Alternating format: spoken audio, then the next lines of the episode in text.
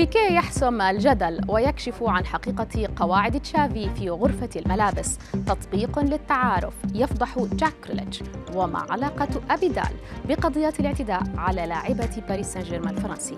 إليكم أبرز أخبار الرياضة في الساعات الأربع والعشرين الماضية في دقيقتين على العربية بودكاست.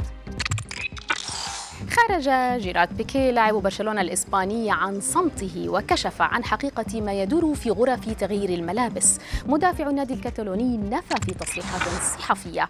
أدلى بها صباح اليوم عبر تويتش منع المدير الفني الجديد لبرشلونة تشافي له من الظهور في برنامج تلفزيوني.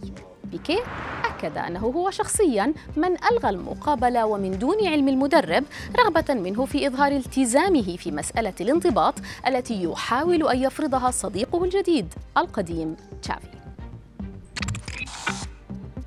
والآن ننتقل إلى قضية الاعتداء على خيرة حمراوي لاعبة باريس سان جيرمان الفرنسي التي اتخذت منحى جديدا بعد ارتباط اسم نجم المنتخب الفرنسي السابق إريك أبيدال بالقضية وخضوعه اليوم للاستجواب من قبل الشرطة المحلية.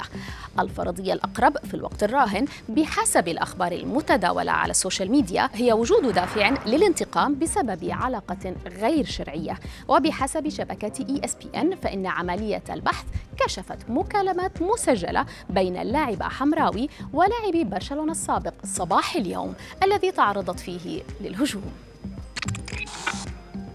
في إنجلترا ضجت مواقع التواصل الاجتماعي بخبر مواعدة لاعب المنتخب جاك غريليش لل influencer إيميلي أتاك سرا مدة ستة أسابيع. الأخبار المنشورة تزعم ارتباط لاعب مانشستر سيتي بعدد من اللقاءات العاطفية السرية من خلال تطبيق للمواعدة خاص بالمشاهير ومواعدته لإيميلي أتاك سرا.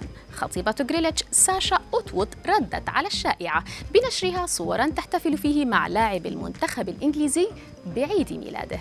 والله أعلم.